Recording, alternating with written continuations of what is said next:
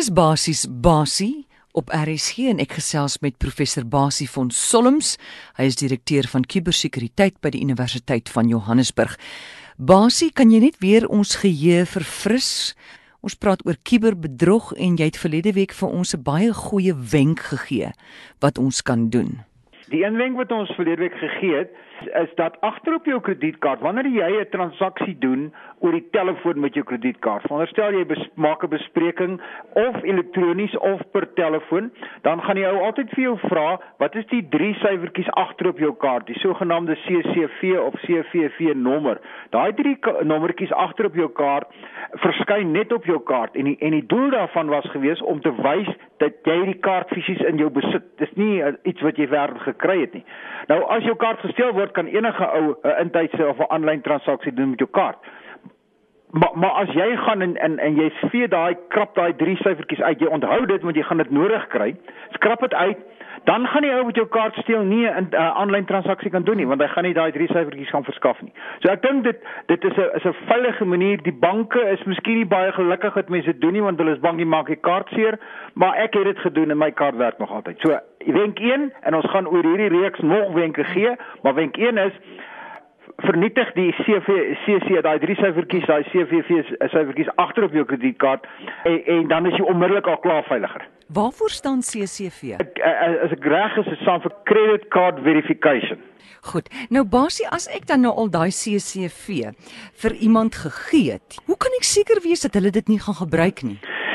Dit moet ons nou sê, kyk, die hele kredietkaart omgewing is is 'n is 'n vertrouensomgewing. As jy vir iemand oor die telefoon jou kredietkaart inligting gee, byvoorbeeld, hy vra vir jou, gee vir my die CCV nommer, en gee vir jou kredietkaartnommer en jou naam en die vervaldatum, dan aanvaar jy en jy vertrou hom dat daai inligting net vir daai transaksie gaan wees.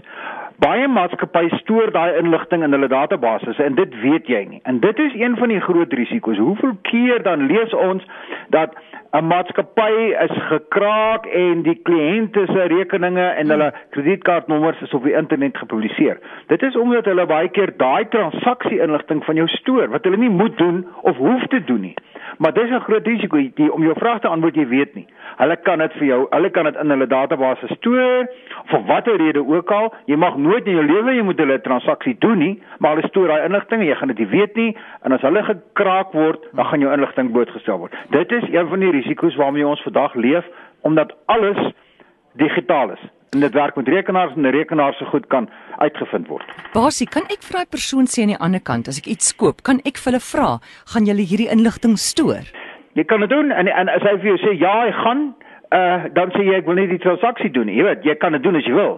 Maar wat jy ook moet onthou is baie keer doen jy 'n transaksie elektronies. As ek byvoorbeeld nou gaan sit en ek wil vir my 'n vliegtuigkaartjie bespreek, op een of ander sit op Suid-Afrika op. SAL of wat ook al, dan doen ek dit totaal elektronies. En wanneer ek moet betaal, dan kom hy terug en hy sê vir my, kredietkaartnommer, naam van die eienaar, vervaldatum, CCV nommer uh, en ek het geen keuse nie. Ek, ek kan nie vir die rekenaar sê ek gaan dit vir jou gee nie. Ek kan nie vir hom vra gaan hy dit stoor nie. So jy sien, ons is in daai 10000 miljoen eh, dollar uh, kringloop. Ons jag ons eie stert. So mens kan nie wegkom nie. En en dit is 'n groot mate van 'n vertrouensreaksie. En ek kyk ook na van die reaksie wat jy vir my gestuur het oor mense wat sê ek weet glad nie waar dit gebeur het nie. Maar maar dit gebeur op so 'n manier. Dit gebeur ook dat die betaalpunt eenheid, as jy by die restaurant kom, dan weet jy jy sit jou kaart daarin. Daai is 'n rekenaar. Daai rekenaar kan geïnfekteer wees met kwadwillige programmatuur waaroor ons nog gaan gesels. So hy stoor nou geval jou inligting. Al is die kaart daar reg voor jou en daai masjienkie staan daar op jou tafel. Uh kan hy daai inligting inligting kopieer en hy kan dit later vir sy baas terugstuur. So ons lewe in 'n in 'n vertrouensomgewing. Jy vertrou die ou doen dit, maar jy moet van jou kant af soveel as moontlik doen om dit te probeer verminder. Kom ons kyk 'n bietjie na aanlyn banksaake. Hmm. Goed, kom ons kyk net wat dit beteken. Dit beteken in baie van ons uh luisteraars van jou luisteraars gebruik aanlyn banksaake waar jy dan 'n aantal begunstigdes het of 'n aantal ouens wat jy wil betaal en elke maand dan word jou rekening of jou pensioen of jou salaris word outomaties in jou bankrekening inbetaal en jy kan van jou rekenaar by die huis af aanskakel na jou bankrekening toe en jy kan sê okay betaal 10 10 rand oor hiervoor of betaal my maandelikse munisipale rekening of wat ook al. Baie gerieflik baie maklik maar jy moet baie baie versigtig wees want as daai rekening en dit is hoe die die die die die die kriminele jou geld steel as hulle die kans kry om in jou rekening in te skakel daar's baie maniere hoe hulle dit kan regkry hoe hulle jou jou aanteken inligting kan kry as hy inteken dan al wat hy doen is hy skep 'n nuwe begunstigde of 'n nuwe ou wat betaal moet word en hy vat al jou geld en hy betaal dit aan daai ou uit en die ou's weg. So dis hoe jy geld verloor deur die feit dat jou profiel waaraan jou mense staan wat jy elke maand betaal dat jy jy kan nuwe skep Hmm. En dan skep hulle 'n nuwe een en hulle kry dit. Nou daar's die wenk wat ek gebruik. Ja. My banksaake gebruik ek nou al jare lank. Ek het vir my bank gesê ek wil nie die fasiliteit hê om 'n nuwe begunstigde te skep nie. My profiel is vas. Dis Telkom en is Johannesburg se staatsraad en wie ook al aan hulle betaal ek elke maand. Maar haal uit die funksionaliteit uit my profiel uit om 'n nuwe ou te skep. Nou kan enige ou, ek kan my aanlog inligting aanteken inligting vir enige krimineel gee. Hy kan na my rekening inlog, hy kan sien hoe min geld ek het en hy kan oorplasings doen na my begunstig toe. Hy kan vertel kom namens my betaal as hy wil, maar hy kan nie die geld uitkry nie. En ek weet dit werk nie vir almal nie, maar as jy 'n uh, 'n pensionaris is of 'n persoon wat elke maand net 3 of 4 of 5 mense het wat jy wil betaal, 'n selfe bedrag elke maand of 'n spesifieke bedrag. Hmm. En dit lê in jou profiel. Vra jou bank om die funksionaliteit om 'n nuwe ou eenmalig te betaal af te haal van jou bank af. Dan kan hulle nie jou geld steel nie. Punt. Die nadeel is as jy nou wel, as ek nou wel vir Amorai 10000 rand wil betaal, ek weet nie hoekom nie, maar kom ons sê ek wil, maak dit 12. Maak dit 12. En jy is nie op my huidige profiel nie, dan moet ek in die bank gaan staan, tou staan en mm. sê sit nou vir Amorai op my profiel dat ek haar kan betaal. Uh, en dan moet ek dit daai tyd in die bank deurbring, maar vir my is die risiko's uh, so hoog as ek dit nie doen nie dat ek liewer in die bank gaan staan. So as jy 'n vaste aantal begunstigdes elke maand wat jy betaal, maak jou profiel toe deur jou bank te forceer om nie vir jou die fasiliteit te gee om nuwe begunstigdes te skep nie, dan kan hulle nie geld uit jou rekening uitkry nie en hulle kan jou nie besteel nie. Goed, basie, daar is twee funksies by die banke wanneer kom by begunstigdes. Mm. Nie, daar's nuwe begunstigde en dan 'n een eenmalige begunstigde. Ja, dis 'n eenmalige betaling, ja. So ja. moet daai ene, daai Hulle kan al twee. Jy moet al, al twee doen. Jy moet al twee uitvat want want as jy ou in jou rekening inbreek, en hy sê okay ek kan nie 'n nuwe begunstigde skep nie maar ek kan 'n eenmalige betaling maak aan Amorey van R12000 ja, dan doen hy dit. Goed. Nou nog 'n ander ding. My bank werk so. As ek ingaan op my aanlyn hmm. profiel, dan stuur hy my 'n SMS en dan sê hy: "Ooh, baie welkom." Ja. En sien nou maar, ek sit by die werk en ek sien dit het gebeur.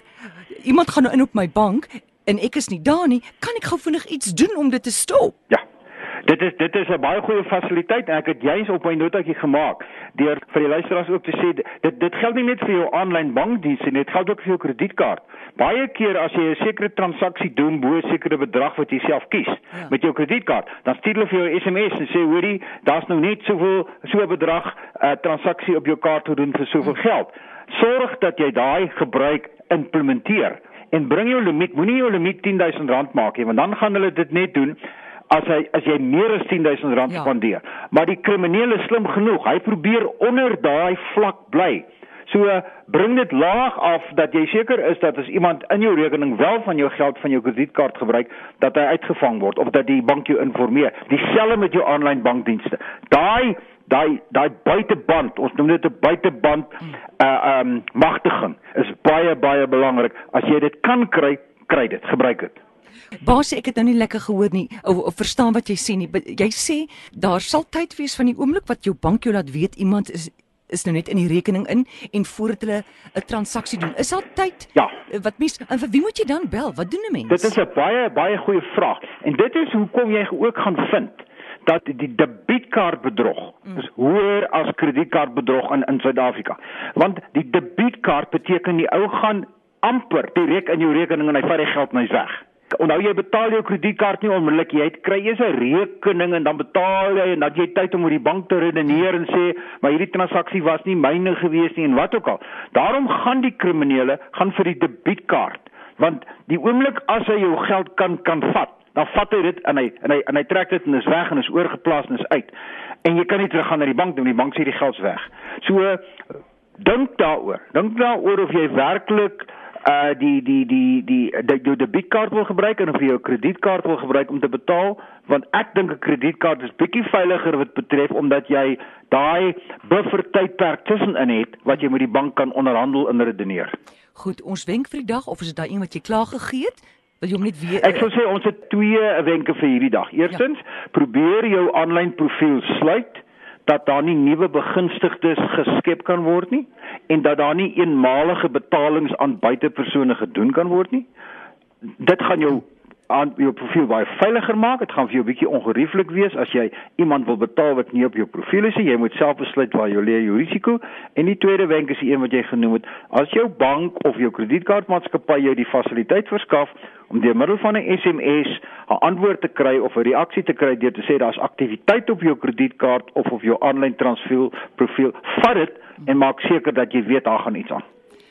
So gesels Basie van Solms en uh, ons het gepraat oor ons het maar net begin praat oor aanlyn banksaake en ons sal volgende week voortgaan hiermee.